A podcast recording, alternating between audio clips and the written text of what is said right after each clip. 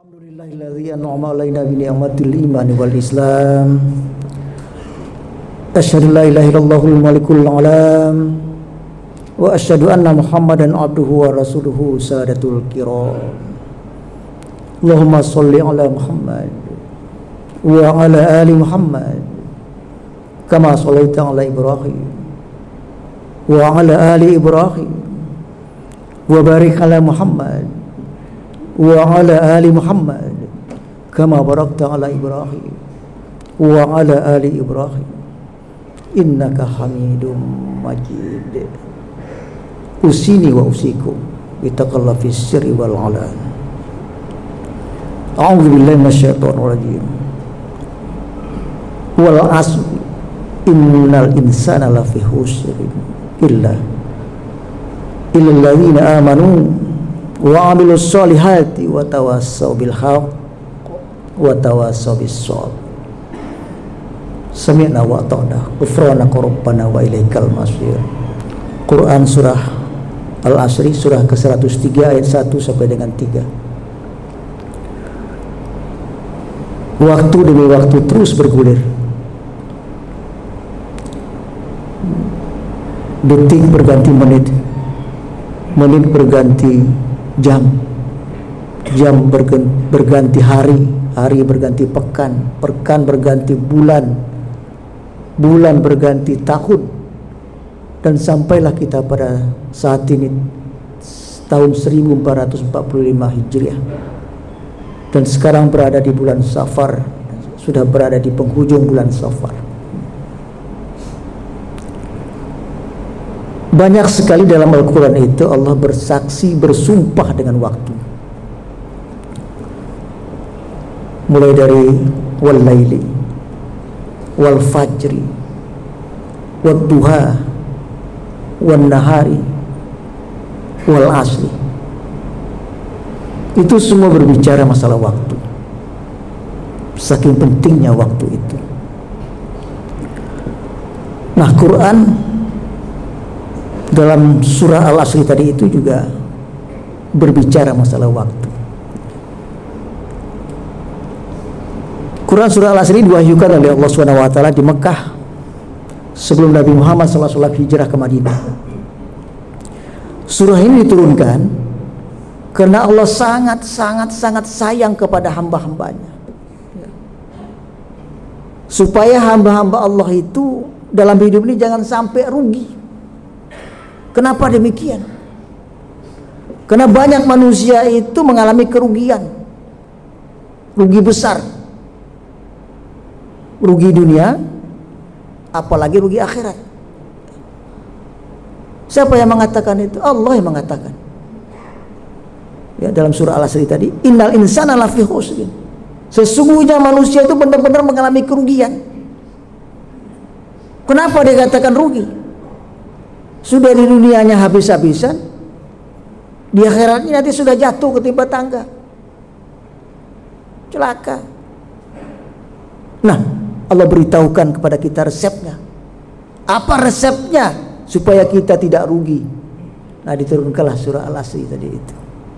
Ada lima resep yang diberikan Allah kepada kita. Yang pertama adalah kata Allah wal asri. Perhatikan waktu. Kenapa kita disuruh memperhatikan waktu? Yang pertama karena waktu yang diberikan oleh Allah kepada kita itu nggak sama. Ya.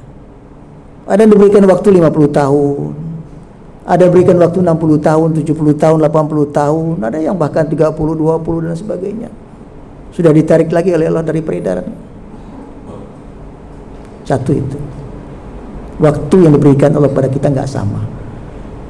Yang kedua, karena yang menentukan waktu itu bukan kita. Ya. Walaupun kita ini masih betah tinggal di dunia ini ya, ya. Katakanlah mungkin betahnya itu karena duit kita masih banyak. Rumah kita mewah. Kendaraan kita bagus, mengkilat mengkilat gagah gitu kan. Ditambah dengan istri yang cantik wah. Apa enggak betah seperti itu tinggal di dunia ini? Tapi kalau kata Allah, Waktu kamu habis. Yang berlaku yang mana? Allah. Nah dunia ini kata Allah juga dalam Quran surah Al Imran ayat 185 wa mal hayatud dunya illa mataul ghurur. Kehidupan dunia ini tiada lain kesenangan yang sering menipu di kita sendiri. Nah oleh karena itulah beruntunglah orang yang memperhatikan waktu tadi itu. Makanya kita harus punya prinsip aji mumpung. Apa itu? Mumpung kita masih punya duit Nanti kalau kita nggak punya duit, kita kan nggak bisa zakat, nggak bisa infak, nggak bisa sedekah, nggak bisa wakaf juga. Nah selagi kita punya duit itu buru-buru, buru-buru kita. Supaya pas nanti kalau kita sudah nggak ada lagi itu, kita sudah punya investasi di akhirat. Nah, itu. Ya, nah itu. Mumpung kita masih muda sebelum tua mumpung kita masih sehat sebelum sakit mumpung kita masih hidup sebelum mati nah, ini ya langkah pertama supaya kita tidak rugi adalah wal asri perhatikan waktu ya. yang kedua dilanjutkan ayat itu ilalladzina amanu ya. Jadikan iman sebagai landasan hidup kita supaya kita nggak rugi ya. iman itu bukan hanya di mulut doang karena banyak orang itu iman itu hanya di mulut doang ya. Kata siapa? Kata Allah. Al-Baqarah ayat 8. Ya. Wa minan nasi may yaqulu amanna billahi wa bil yaumil akhir wa ma hum. Betapa banyak orang-orang orang yang berkata, "Amanna." Kami beriman billahi kepada Allah. Wa bil yaumil akhir kepada akhirat juga. Tapi sampai dia mulut doang. Nggak sampai masuk ke dalam kolbu kita. Hanya lip service saja. Wa mahum bimuminin. Padahal mereka sama sekali bukan orang yang beriman. Sampai begitunya Allah mengatakan. Allah yang mengatakan itu ya. Nah supaya tidak rugi tadi itu iman itu jangan hanya diucapkan seperti itu. Tapi dijadikan sebagai landasan hidup oleh kita apa untungnya menjadikan iman itu sebagai landasan hidup. Untungnya kata Allah dalam Quran surah Al-Baqarah ayat 38, "Fala khaufun 'alaihim wa lahum yahzanun." Hidup di dunia tidak ada ketakutan. Karena ada Allah tempat kita mengadu. Ada Allah tempat kita berlindung. Walahum yahzanun dan tidak akan diperbudak oleh kesedihan. Di saat diuji Allah dengan ketakutan, karena dia akan sadar dalam Quran surah Al-Insyirah ya. Ayat 5 dan 6, fa inna ma'al usri yusran. Inna ma'al usri yusran. Karena Allah berjanji di balik kesedihan, di balik kesusahan, kesulitan, Allah berikan kemudahan. Ya. Jadi tidak ada ketakutan ketika diperbudak oleh kesedihan. Nah itulah akibat iman kita jadikan sebagai landasan hidup oleh kita. Karena ini sudah menjadi ketetapan Allah. Kita hidup ini ada saatnya mujur, ada saatnya kita mundur, ya.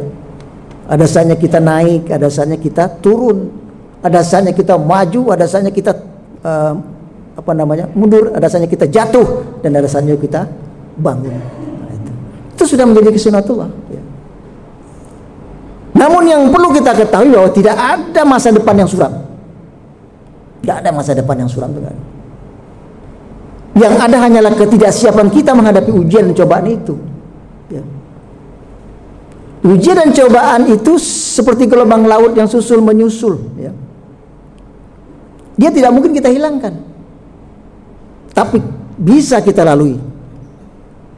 Melalui itu tidak perlu juga kapal yang besar. Sampan pun bisa mengarungi lautan samudra itu. Ya. Kenapa itu kita lalui? Karena di sana ada sejuta keindahan yang akan menggantikan kelelahan kita menjadi kebahagiaan insya Allah hanya kalau kita tidak punya landasan yang namanya iman tadi itu saat take off ya, apa itu uh, naik ya kita menjadi orang yang sombong saat landing turun kita sedih saat naik kita lupa diri dan saat turun menjadi orang yang putus asa Nah, supaya kita tidak mengalami hal yang seperti itu, perlu landasan. Landasan kehidupan adalah iman. Itu yang kedua. Yang ketiga adalah wa amilus solihat. Isilah hidup kita ini dengan aktivitas yang soleh. Isilah umur yang ada ini dengan aktivitas yang soleh. Aktivitas bisnis kita soleh. Aktivitas gaul kita soleh aktivitas rumah tangga kita soleh. Jadi tidak hanya ibadah saja, ya. amal juga ya. Amal itu artinya aktivitas. Ya. Ya. Jadi aktivitas dalam segala hal soleh. Oh merajin, tapi masih STMJ juga. Sholat terus, maksiat jalan. Nah itu gak betul sholatnya itu. Nah, itu. Itu yang ketiga. Wa amilus solihat. Yang keempat, supaya kita nggak rugi kata Allah, wa tawassaw bil haq. Saling mengingatkan dengan landasan kebenaran. Kita hidup ini, kita hidup di dunia ini nggak boleh cuek-cuekan, nggak boleh. Sebab kalau kita cuek-cuekan nanti kita digugat oleh tetangga kita, digugat oleh teman kita, oleh saudara kita, di mana? Di akhirat nanti, ya. Quran surah Az-Zumar surah ke-39 ayat 3 ayat 31. Summa innakum yaumul qiyamati inna rabbikum tahtasimun. Ya. Kemudian nanti pada hari kiamat kalian semua di hadapan Allah akan saling gugat satu sama lain. Si fulan misalnya sedang berjalan menuju surganya Allah. Di belakang ada yang berteriak, "Stop!" Si fulan itu memang rajin sholatnya. Rajin ke pengajian bahkan lewat di depan rumah saya pakai Innova pakai Alphard kadang-kadang tapi negor aja nggak apalagi ngajak apa kalau saya diajak mungkin saya ikut-ikutan juga gugatnya di situ ya nah supaya nggak terjadi seperti itu kita ingatkan dari sekarang. Kita ajak saja. Ikut atau enggak yang kita ajak itu urusan Allah. Wah sudah diajak pak. Ya ngajaknya jangan sekali. Ajak terus. Ya kan? Kan dalam Quran surah Al-Qasiyah Fazakir Innama anta muzakir Lasta'alahi bimusaitu illa man tawala wa kafar Fayu'adzibuhullah azabal akbar. Kan begitu. Kata Allah. Ingatkan oleh kamu Jangan bosan-bosan mengingatkan Karena tugas kamu hanya mengingatkan Kalau dia ikut atau tidak Itu urusan aku kata Allah Itu hidayah aku DKM tanya mengumumkan saudara-saudara, bapak-bapak, ibu-ibu, saudara nanti pada maghrib ada pengajian. Kita sampaikan ini datang satu orang nggak masalah. Hanya itu yang dapat hidayah dari Allah. Selesai tugas kita. Jadi kita saling mengingatkan dalam hidup ini. Dan yang kelima supaya kita tidak rugi adalah watawa sabr. Harus sabar dalam saling mengingatkan itu. Ya. Kan kebanyakan kita nggak sabar katakanlah mungkin baru tiga kali diajak ya sudahlah masa bodoh nah, nggak boleh seperti itu kan kata Allah watawa sobis sobri sabar dalam saling mengingatkan itu wakulu hadza wastaghfirullah innahu huwal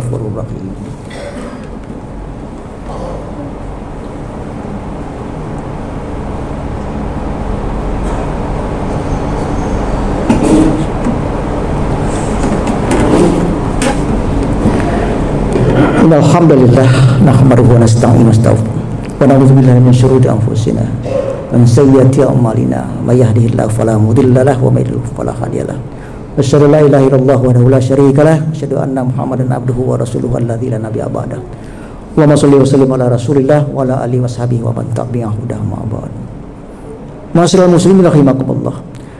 lima resep dari Allah wa taala supaya kita tidak rugi dalam kehidupan baik di dunia maupun di akhirat nanti yang pertama adalah perhatikan waktu. Yang kedua, jadikan iman sebagai landasan hidup. Yang ketiga, isi hidup dengan aktivitas yang soleh. Yang keempat, mengingatkan satu sama lain dengan kebenaran yang datang dari Allah SWT. Dan yang ke, yang kelima, sabar kita ketika mengingatkan satu sama lain itu tidak cepat purik, tidak cepat punung dan juga tidak cepat emosi. Akhirnya marilah kita berdoa Mohon ampunan Allah SWT atas kesalahan-kesalahan yang telah kita perbuat selama ini. dan memperbaikinya untuk masa-masa yang akan datang. Allahumma salli wa sallim ala Rasulillah wa ala ali washabihi wa man tabi'ahu Ya Allah Al-Hadi yang memberi petunjuk. Berikanlah pada kami hidayahmu. Berikanlah pada kami ketakwaan. Ya Allah Al-Muhaimin yang maha pemelihara Berikanlah pada kami kemauan dan kemampuan untuk pandai menjaga kehormatan kami Ya Allah Al-Ghani yang maha kaya Berikanlah pada kami kecukupan Ya Allah Ya Allah Asyifa yang maha menyembuhkan di antara kami ada yang bermasalah dengan penyakit. Berikanlah pada kami kesembuhan yang sebenar-benar sembuh yang tidak mendatangkan sakit lagi ya Allah. Ya Allah Al-Ghaffar yang Maha Pengampun. Ampuni dosa-dosa orang tua kami. Ampuni dosa-dosa kami dan dosa saudara-saudara kami yang tertimpa musibah di mana pun yang kau saksikan ya Allah. Semoga husnul khotimah dan keluarga yang tinggalkan diberikan ketabahan dan kesabaran dalam menghadapi ujian dan cobaan ini. Ya Allah Al-Muqtadir yang menentukan Takdirkan perusahaan kami ini PT Telkom dan Group Bersama stakeholder dan stakeholder Menjadi perusahaan yang bermanfaat. Rabbana La tuzigh qulubana Ba'da hadaitana Wahab lana min ladunka rahmah Innaka antal wahhab. Rabbana atina fid dunya hasanah wa fil akhirati hasanah wa qina adzaban nar Fasubhanallah Subhana rabbika rabbil izzati amma yasifun. Wassalamun ala mursalin Walhamdulillahi rabbil alamin. Ibadallah Allah yamul bil adil wal ihsan Wa ita'idul qurba Wa yanal pasal mukal wa baghi Ya'izukum la'allakum tazakkarun Wa la akbar